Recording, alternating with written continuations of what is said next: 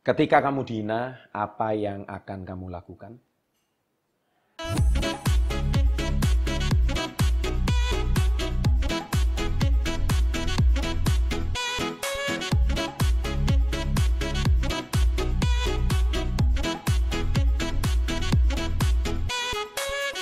Sahabat entrepreneur, salam hebat luar biasa.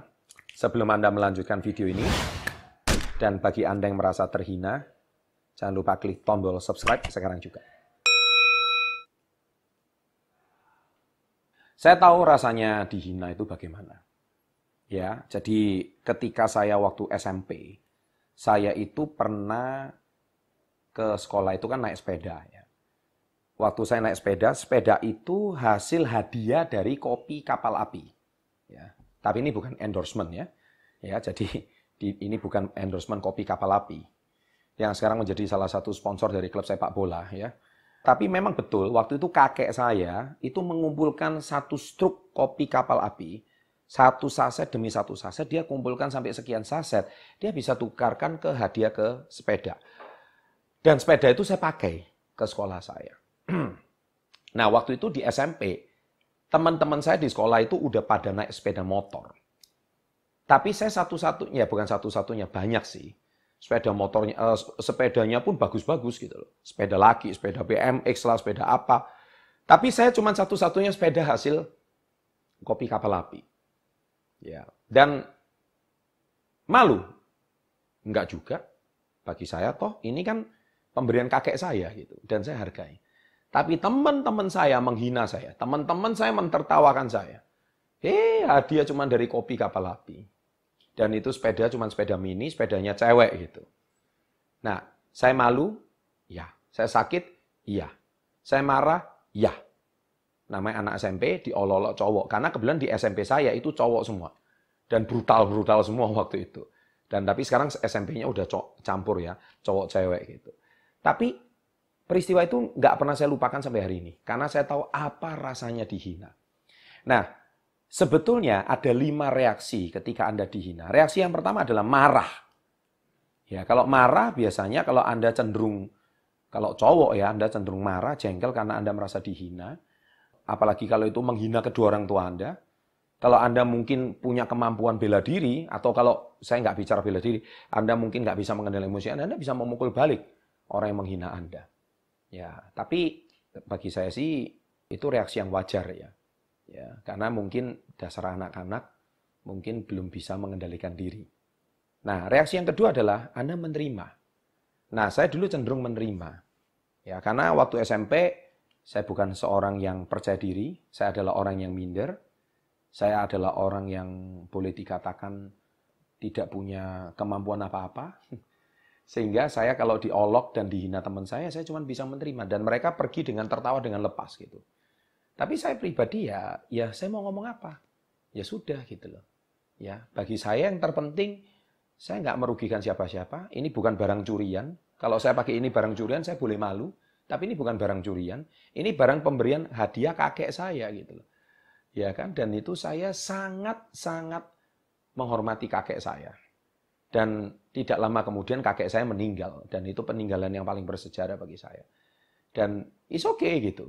Ya kan? Karena saya nggak bisa berbuat apa-apa. Mau marah pun nggak bisa apa-apa. Ya, reaksi yang ketiga adalah berdebat dan menghina kembali. Itu reaksi yang ketiga. Anda memilih untuk berdebat dan menghina kembali. Kalau tidak terima, Anda ujung-ujungnya bisa berantem. Nah, reaksi yang keempat adalah dicandain gitu. Anda nggak usah ditanggapin serius. Kalau dia hina, Anda candain aja. Ya kan? Oh, ya udah nggak apa-apa. Memang gua orang yang terhina kok mau ngomong apa. Akhirnya orang yang menghina Anda akan capek sendiri gitu.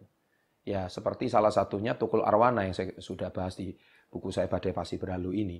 Nah, justru Tukul Arwana itu malah dia memang membuat dirinya untuk selalu dihina gitu. Memang gua jelek gitu loh. Memang wajah saya pas-pasan begini gitu. Tapi justru dengan wajahnya pas-pasan dia sukses. Justru dengan dia menghina diri sendiri, orang senang mencandain dia gitu. Nah, itulah juga salah satu reaksi yang bisa saya berikan.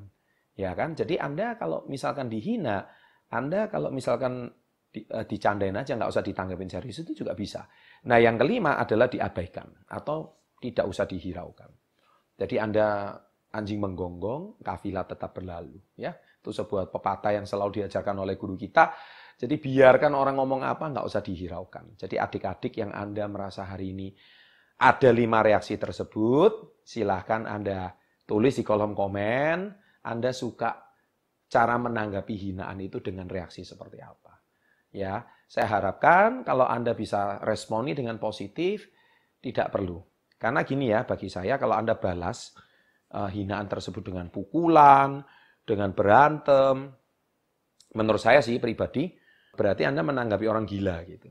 Ya kan? Nah, kalau orang gila Anda tanggapin berarti Anda yang gila gitu. Jadi ngapain Anda nanggapi orang gila? Kita yang waras ini lebih baik kita eh, nggak perlu tanggapin ya. Jadi bagi saya pribadi ketika Anda dihina, sahabat entrepreneur, nggak usah takut, nggak usah khawatir. Suatu hari Anda bisa membuktikan bahwa Anda memang menjadi orang yang lebih dewasa. Nah, pesan saya satu, ketika Anda sukses nanti, datangilah orang yang menghina Anda, dan bukan membalas, tapi justru Anda salami dia, ucapkan terima kasih. Terus berkata apa? Ucapkan thank you, ucapkan terima kasih, dan Anda tinggal ngomong satu kalimat sama dia. Bahwa karena Anda lah, kisah Anda lah, saya hari ini bisa sukses. Wah, itu pukulannya, uppercutnya itu lima kali lipat daripada Anda langsung berantem detik itu juga. Balaslah hinaan itu dengan kesuksesanmu. Balaslah hinaan itu dengan kunci sukses keberhasilan kamu. Ini saya itu jauh lebih powerful daripada Anda berantem detik itu juga. Itu menunjukkan ketidakdewasaan Anda. Demikian video kali ini. Semoga video kali ini bisa menginspirasi. Dan jangan lupa subscribe.